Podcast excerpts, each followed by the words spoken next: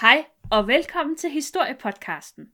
Jeg er Marie, og med mig er min partner in crime, Katrine. Mm. Jeg slår mig lige lidt på næsen. Det finder jeg ud af om lidt, hvorfor det var et smart tag, jeg gav dig der, Katrine. Du er så smart. Er, er så smart. Er du kommet godt hjem jul og nytår? Det er jeg i hvert fald. Hvad med dig, min lille sukkerrue? Jo, det kan du tro, at jeg er. Og jeg... Øh... Ja, det har jo været sådan lidt anderledes jul i år, men øh, det er gået godt, synes jeg. Jeg har ikke været syg med corona endnu. Har du været syg med corona? Nej. Nej. Det er en det coronafri godt. podcast, det her.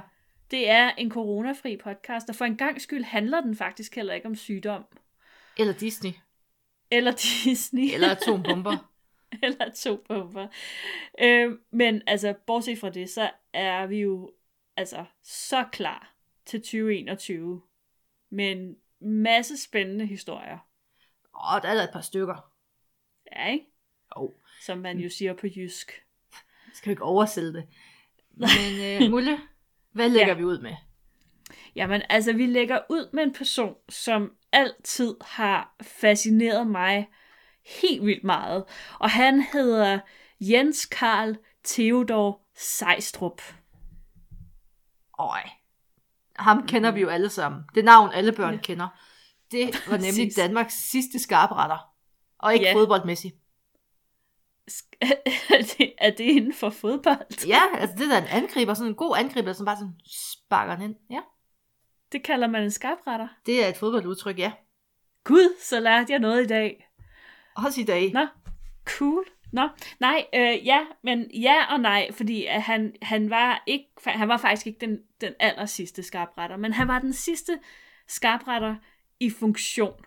Og, og inden at vi går videre, så tænker jeg, at det kunne jo egentlig godt være, hvis nu der sad nogen og tænkte, "Hmm, hvad er en skarpretter egentlig? Skarpretter er bare et andet ord for bødel. Sådan en, der henretter folk. Mm, Så har jeg et opfølgende spørgsmål. Hvorfor synes du, han er spændende, Marie? Skal jeg være bekymret? ja, men det, men det, det ved du jo godt. Jeg har min, øh, jeg, jeg har mine mærkelige hobbyer.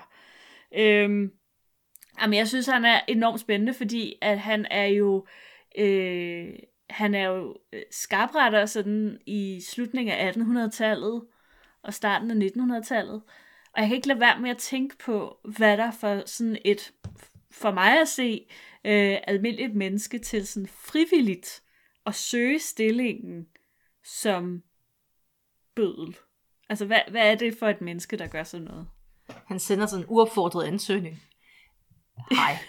Vi har simpelthen et hobby-sammenfald her. Jeg kan godt lide at slå folk ihjel. Har I brug for sådan en som mig? Er god med hænderne. God til praktisk arbejde. Ja. Og en teamplayer. Og teamplayer. Men God noget, til at tage initiativer. jeg kan godt lide at arbejde med mennesker.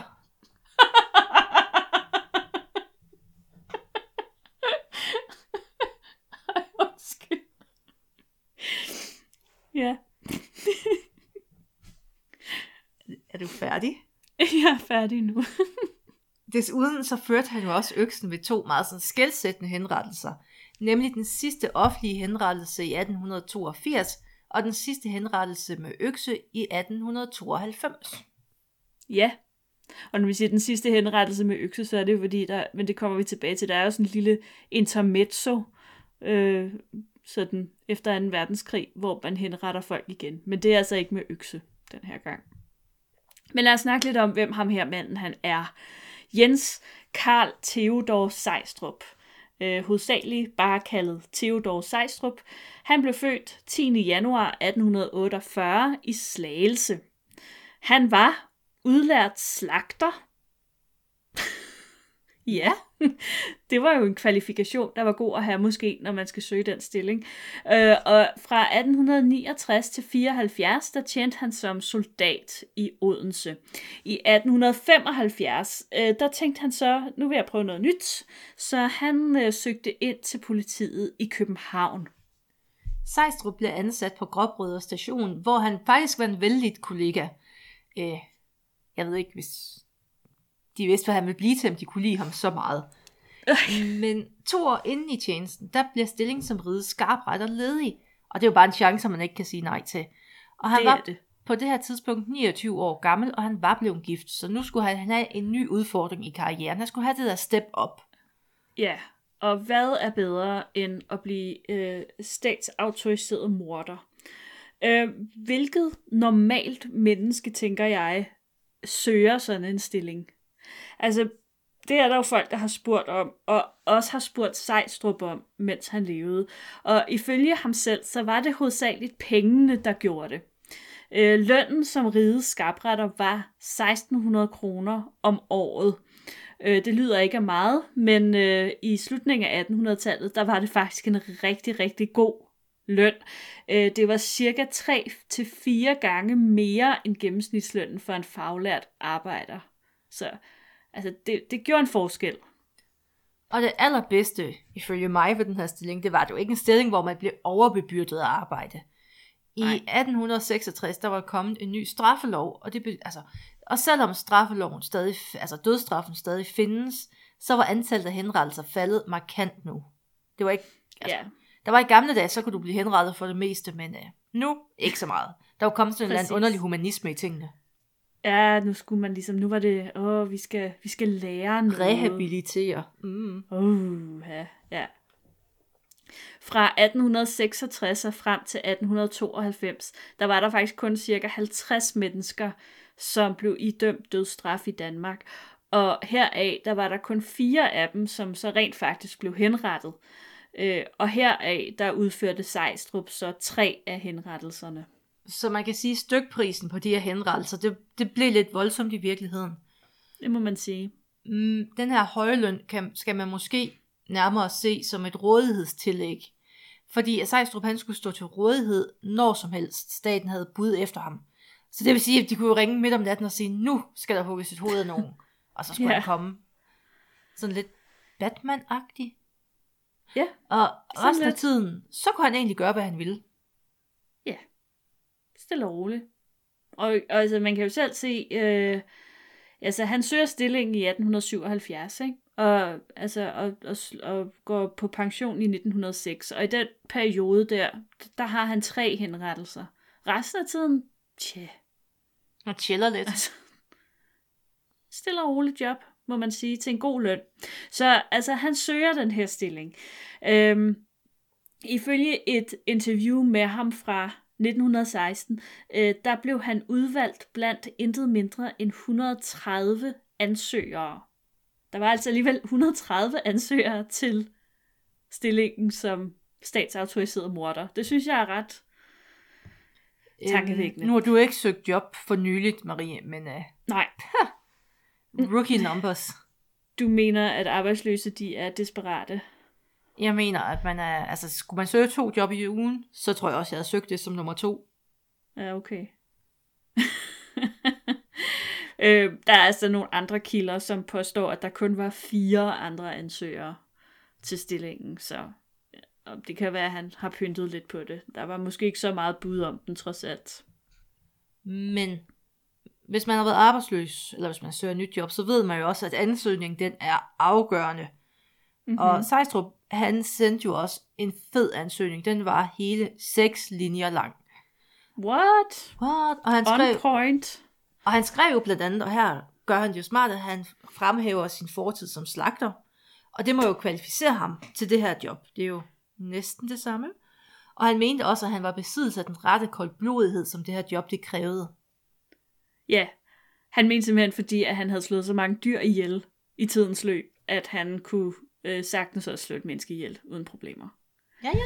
Og ja, altså, who knows? Jeg har ikke været slagter, øh, så det, det ved jeg ikke. Øh, jeg tænker umiddelbart, at det er to ret forskellige ting. Det er det naturlige næste skridt på karrierestigen. ja. Det vides ikke sådan, hvad ansættelsesudvalget de lagde vægt på i den her ret korte ansøgning. Men den 1. august 1877, der kunne Sejstrup altså smykke sig med titlen Kongeriget Danmarks skarpretter. Og noget tyder på, at der manglede en vis, hvad skal man sige, forventningsafstemning i jobbet. Fordi kort tid efter ansættelsen, der skrev Sejstrup til Justitsministeriet Og han spurgte, om det var meningen, at staten skulle stille rekvisitter til rådighed, eller om selv skulle have dem med. Ja, og, og med rekvisitter, der mener han jo naturligvis øh, øh, øh, økse til halshugning, og den blok, som forbryderens hoved ligesom skulle ligge på, når han blev halshugget. Ja. Øh, Justitsministeriet, de meddelte jo så i den her forbindelse, at det måtte han da lige selv stå for. okay, Fedt. fedt nok. Det skulle de måske have skrevet i ansøgningen. Øh, og så kan man jo tænke sig til, hvordan den tur i Silvan lige blev. Men det kunne trækkes fra i skat. Jeg ved det ikke. Men heldigvis så skulle han ikke i Silvan, fordi at der var en tradition for, at bødens instrumenter gik i arv. Så Sejstrup, han kontaktede enken for, til sin forgænger, og så købte han to økser og en blok til 400 kroner. Ja, det var et stort beløb. Ja, der var tænker på, at faktisk ikke månedslønnen var 1600 kroner. Præcis, og han havde faktisk ikke de penge på det tidspunkt, så han lånte pengene af staten. Sjovt nok. Øh, det her komplette skarpretterudstyr, det bestod altså som sagt af de her to økser, og så en blok, altså den træblok, som den dødstømte skulle lægge hovedet på. Og begge de her økser, de var sådan, de var ret gamle. Øh, den ene øh, går endnu under navnet Struenseøksen og kan ses udstillet på Nationalmuseet. Øhm, der er lidt tvivl om præcis, hvilken rolle den havde i henrettelsen af Struense, men man er ret sikker på, at den, den var Den en s- del af henrettelse af Struense. Nå, jeg skulle lige at sige, hvis du tvivler på, hvad øksen er blevet brugt til, Marie, så har jeg et godt bud. Ej. Ja, men, men okay, skal jeg blive lidt morbid her, fordi jeg viste dig den der bog, jeg har fået i julegave, der handler om dødsstraf og sådan noget. Og der har han faktisk et længere afsnit, hvor han diskuterer brugen af forskellige slags økser til henrettelser. mm. og, og netop den her struenseøkse, den, der er et eller andet med, at den, den vejer ikke så meget, og derfor har den nok ikke været brugt til at hugge hovedet af nogen, fordi det kræver en meget tung økse. Ja, fordi den Til skal jo alligevel fik- nakken. Det er jo... Jamen, ja. Og til gengæld så fik Struense jo også hugget sin højre hånd af. Det gjorde man, øh, når man havde... Øh, det, det var en del af den straf. Øh, og der kan den så have været brugt til det. Øhm, så, who knows. Men øh, det er altså den ene af de her økser, som Stej- Sejstrup øh, erhverver sig. Den anden økse, øh, den er, øh, så vidt jeg kan forstå, en lille smule nyere. Øh, I dag der kan den ses ikke så langt fra dig, Katrine, øh, over på Fængselsmuseet. Yay, Horsens. Horsens. Ja, og det var jo der, den blev brugt for sidste gang i 1892. Historiens vingesus, lige der. Yep. I interviewet fra 1916, der spurgte journalisten Sejstrup, om han virkelig ikke havde nogen skrubler ved at påtage sig det her makabre embede. ja, og, og hertil så svarer Sejstrup bare blankt nej. Det havde han overhovedet ikke. Han udførte bare en pligt for staten og efterkom lovens bud. Øhm, En ægte biokrat, en praktisk Jeg biokrat. tænker, ja, altså på engelsk, der har man det her udtryk, der hedder compartmentalization, tror jeg, Nå ja, som man snakker om i forhold til øh, seriemordere, som er i stand til på den ene side at være sådan nogle virkelig grumme øh, mordere, og på den anden side en tilsyneladende enormt velfungerende familiefar. Altså det der med, at man kan opdele sin bevidsthed i to sådan meget forskellige Nå, dele. øh, ligesom du kan virke rar, men så om aftenen, så sidder du og læser bøger om bødler og sådan noget. Ja, præcis. Super. Ja. Ja. Da Sejstrup han overtog jobbet som statsansat bødel, der blev han den næstsidste i en lang række af mænd, der har udført det her arbejde. Ja, øh, fordi lige så længe man har haft dødsstraf i Danmark, lige så længe har man jo skulle have folk til at udføre den her henrettelse.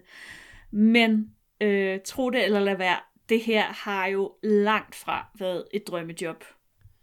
Man fornemmer i de interviews, der er med Sejstrup, at der er en vist ærefrygt og lidt gysen omkring hans person. Men det var ingenting i forhold til, hvad bødler tidligere de var udsat for, for det var ikke øh, så høj social status. Ej, det var det ikke. I 1500-tallet og 1600-tallet, der var bødlen et omvandrende paradoks, kan man roligt sige. På den ene side, der var han jo en meget nødvendig del af samfundet. Øh, Udover at det var ham, som henrettede forbryderne, så havde han også nogle medhjælpere, og sammen med dem, der udførte de opgaver, som ingen andre ville røre ved. Altså det var sådan noget med at tømme latriner og fjerne skrald og tage sig af dyrekadaver og sådan nogle ting.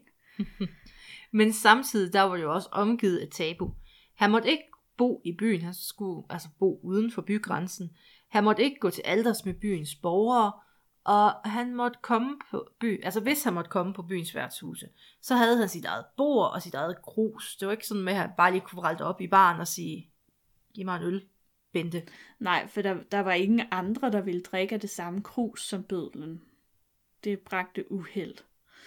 Øh, og man kan sige, det var lidt en ting, der ligesom gennemsyrer bødlens liv, fordi både ham og hans familie måtte ikke, eller kunne ikke, omgås andre mennesker.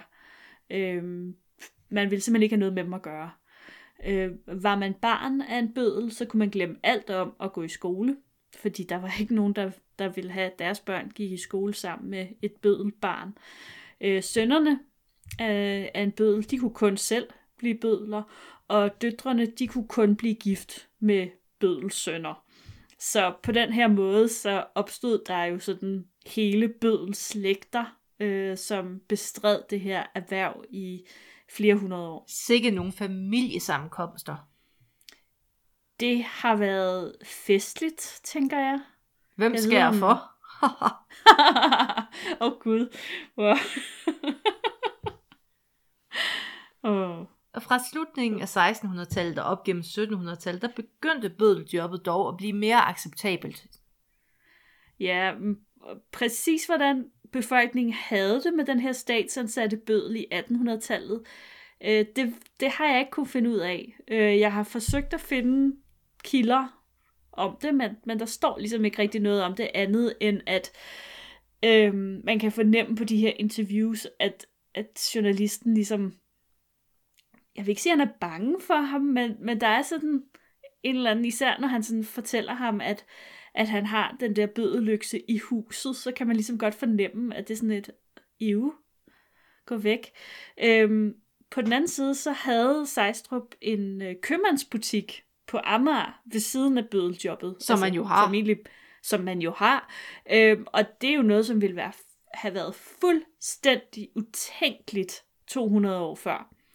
Øhm, altså, der, der er også beretninger om, hvordan at, at bødlen, når han øh, eller bødelkonen øh, gik på markedet for at købe ind, så måtte hun ikke røre ved noget.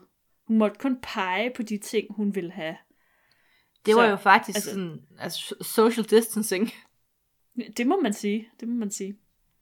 Der gik næsten tre år, før at Sejstrup han blev kaldt ud til sin første opgave. Den 5. januar 1881, der skulle dobbeltmorderen Rasmus Petersen Mørke halshugget på Klejstrup Hede ude for Hobro. Så det var, var der rejsetillæg i øvrigt? Det ved jeg faktisk ikke, om der var. Eller var det en del af Øh, lønnen? Ja, det tænker jeg måske, men det, det, her, det er faktisk et godt spørgsmål. Jeg tror altså også, at staten betalte øhm, for logi og kost, når han sådan var, var ude omkring. Muligvis. Det skal jeg prøve at finde ud af. Tak. Øh, men Rasmus Mørke var blevet idømt den strengeste straf for et grusomt dobbeltdrab og rovmord på en gårdmand og hans tjenestekarl. Ham og hans medskyldige var sluppet af sted med 300 kroner. Uha. Og det var mange penge Øh, dengang. Det var rigtig mange penge. Øh, den medskyldige, han var sluppet, han var sluppet med en fængselsstraf, men Rasmus, han skulle altså henrettes. Sejstrup var klædt i kjole og hvidt. Han bar hvide handsker, og høfligt der gengældte han Rasmus Mørkes håndtryk. Og han lå ham bede fadervor. Dernæst så tog han øksen op af kassen, vædede sin ene pegefinger med spyt og trak en stribe hen over forbryderens nakke. Jo. Så løftede han øksen cirka 30 cm, hvorefter han lod den falde, og med et slag skilte han hovedet fra kroppen. Det er ret flot, når han ikke har fået lov til at øve sig, synes jeg. Ja, altså, apropos de der, der er to interviews, øh, som jeg har kunnet finde med Sejstrup. Det ene er, øh, der er han en gammel mand i, i øh, 1916, det andet, der er han stadigvæk skarpretter, det er fra 1903. Og, og det, der bliver også stillet spørgsmål til, hvordan han ligesom øvede sig, øh, fordi der gik jo rygter om, at det foregik med kålhoveder og roer og den slags. Men det nægter han simpelthen øh, overhovedet finder sted. Så altså, hvordan han ligesom opretholder øh, den evne der, det, det ved jeg ikke. Ja, for især med halshugning, der har man da hørt grumme historier fra, hvor det ikke sådan er gået i et hug. Altså, jeg vil så også sige, at øh, den næste henrettelse kommer heller ikke til at gå helt lige så godt. Henrettelsen af Rasmus Mørke, det gik fuldstændig efter planen. Alt var i orden og lige efter bogen. Altså Sejstrup han havde gjort sin pligt, og alle de var tilfredse med udførselen. Men som du sagde, sådan går det ikke næste gang. Nej, fordi uh, her der blev Sejstrup hovedpersonen i det, som man nok godt kan sige sådan, at Danmarks historiens, eller i hvert fald en af Danmarks historiens første shitstorms, medieborgede shitstorms. I 1882 skulle Anders Nielsen Sjællander halshugges uden for Nakskov på Lolland. Og alt går galt. Ifølge Sejstrup, der skyldes det, at de lokale myndigheder ikke havde forberedt sig grundigt nok. Der var ikke bygget et skafot, der havde ikke været ryddet sne, og der var ingen vagter til at holde styr på de her 3.000 mennesker, der var mødt frem. For det var jo også et tilløbsstykke, sådan noget her. Det var et kæmpe tilløbsstykke, og selv i 1882, der dukker der altså stadig 3.000 mennesker op for at se en offentlig henrettelse. Det synes jeg er tankevækkende. Øhm, selve henrettelsen, den gik heller ikke godt, apropos øh, det, du lige nævnte. Øh, der måtte tre øksehug til, før at hovedet blev skilt fra kroppen. Og det var på ingen måder hverken elegant eller øh, har været særlig lækkert at se på. Øh, publikum, de blev sådan sprøjtet til i blod, for der var ikke nogen vagter til ligesom at holde dem på behørig afstand, så de stod ret tæt på det hele, og, og der var nogen, der besvimede, og der var også nogen, der begyndte at råbe efter bødlen, fordi at han med de der første to hug jo ikke rigtig havde lykkedes med det, og så var de sådan lidt, nej, nu skal du stoppe. Ja, ja, lad den stakkelsmand være. Lad, de skader, du har død, lavet, de, så de altså stop nu, han er jo død. Ikke? altså, og ja, aviserne, frygteligt. de var enige om, at Sejstrup han må have været beruset ved henrettelsen. Og der afviser mm. Sejstrup naturligvis og forklarede, at de her tre hug, det var egentlig fordi, at han var glædet i sten, så hugget det ikke faldt perfekt. Og alle, der har hugget brænde, de ved, at hvis man kommer til sådan at uh, lige skifte balancen lidt, så kan det, så er det træls nogle gange. ja, øh, der går sådan lidt rygter om, at, altså, at han havde drukket tæt aftenen for inden, men altså, det benægter han på det bestemteste. Han, han virker umiddelbart ikke som typen, som er specielt påvirket af at skulle udføre de her henrettelser. Det er ikke ligesom ham, der kommer efter. Han, han øh, havde jo så, altså han, han kom aldrig til at henrette nogen, men der, altså kilder det sådan siger, at, at når der var retssager i gang, så fulgte han helt vildt meget med, fordi han var så bange for, at det skulle ende med dødsstraf, så han skulle i aktion. Han var meget, meget bekymret. Det var Sejstrup ikke. Han var iskold. Øhm, og også efterfølgende. Da- Øh, aviserne de omtalte den her henrettelse som en decideret menneskeslagtning, og de fordømte også brugen af henrettelser generelt. Jeg vil lige sige, at altså, det er jo ikke først her i 1882, at man begynder at være kritiske øh, over for øh, offentlige henrettelser og henrettelser generelt. Altså op igennem hele 1800-tallet er der en voksende kritik af det her, men af en eller anden årsag fortsætter man alligevel med at, at gøre det. Øh, og på grund af den her, der, der var flere reportere til stede ved den her henrettelse. En af dem, øh, som er ret kendt, det var Herman Bang. Øh, Øhm, han skrev en artikel til, jeg tror det er Nationaltiden, han skriver for. Øh, og, og de her beskrivelser af den her henrettelse, de sætter jo det gode københavnske borgerskab, altså det er fuldstændig vanvittigt. Øh, de er meget, meget makabre og ulækre. Øhm, og befolkningen, de var simpelthen i oprør. Og man beslutter fra statens side, at man aldrig igen skal afholde øh, offentlige henrettelser, fordi det her, det er, det kan man slet ikke administrere. Det er for meget, det er for meget ballade. Det er for bøvlet. Det er det. Der gik derefter 10 år, før Sejstrup han skulle på arbejde igen.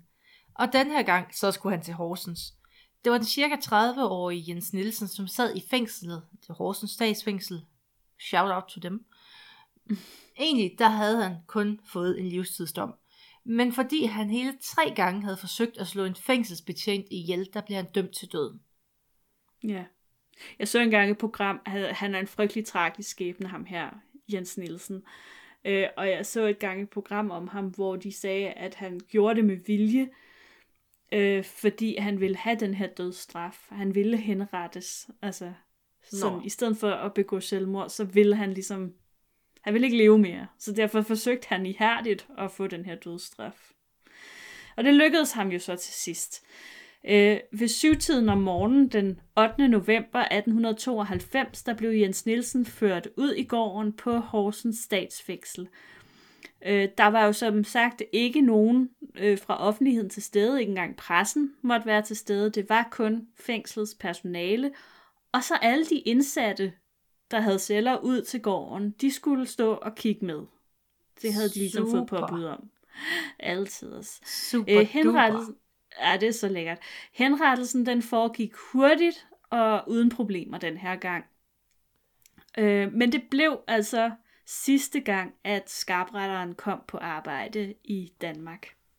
I, I 1906 der blev Sejstrup pensioneret efter 29 år som kongerige Dan- Danmarks skarpretter. Ja. Det er altså også en titel, synes jeg.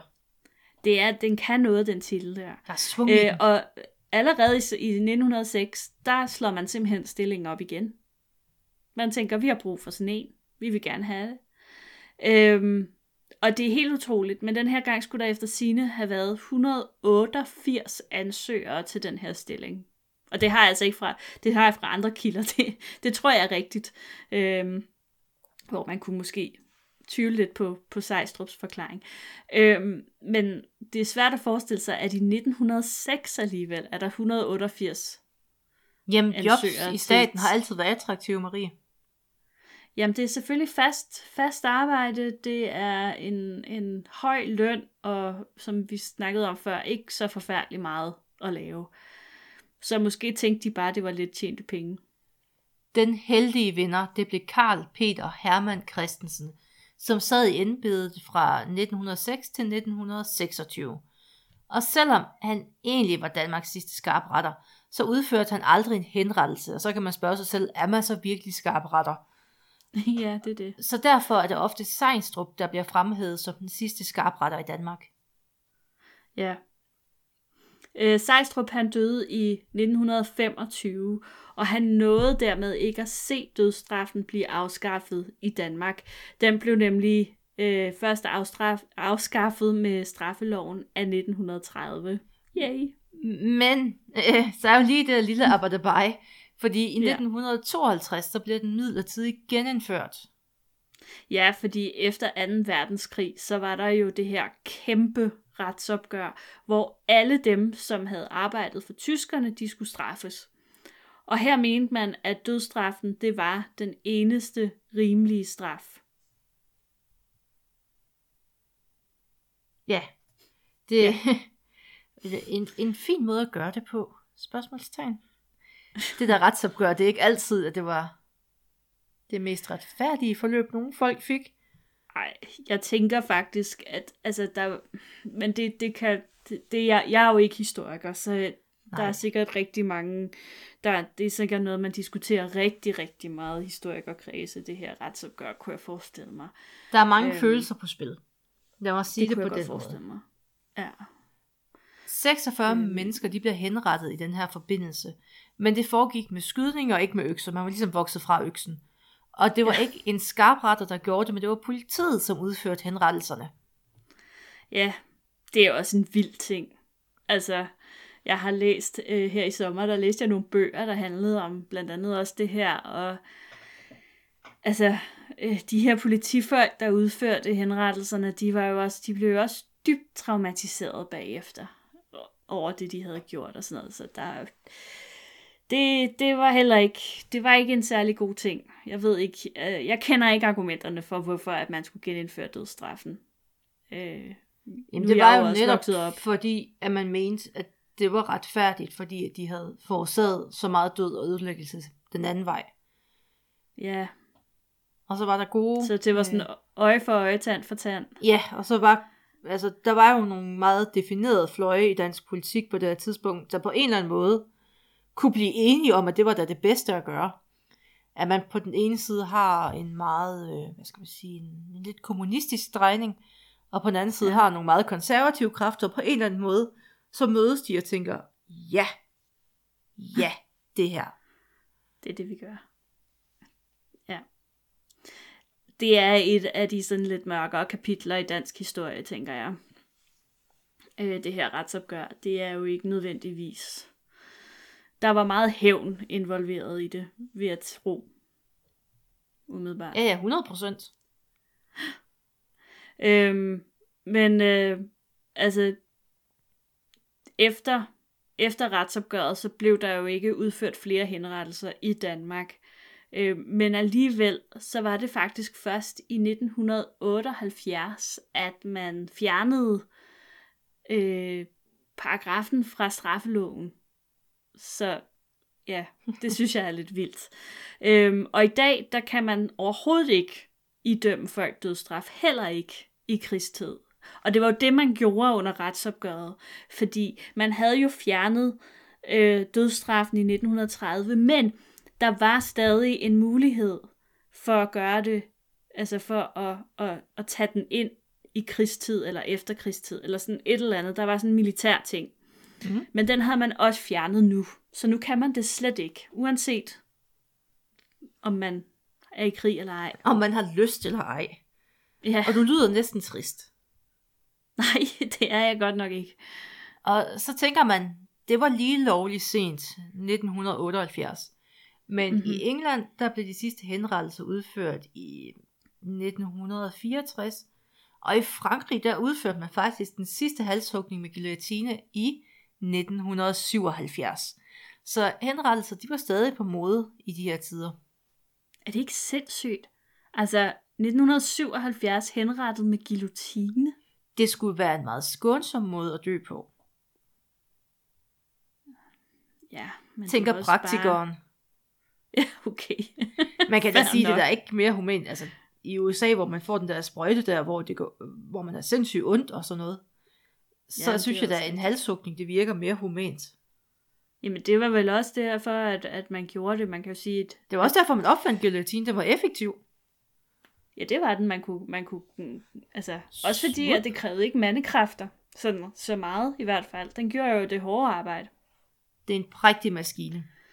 Fordi en, en bødel kan jo, altså, kan jo nok hugge hovedet af nogle stykker, men det er også begrænset, hvor mange gange, altså hvis man har hugget branden, så bliver man jo træt i armene på et tidspunkt. Det gør man nemlig.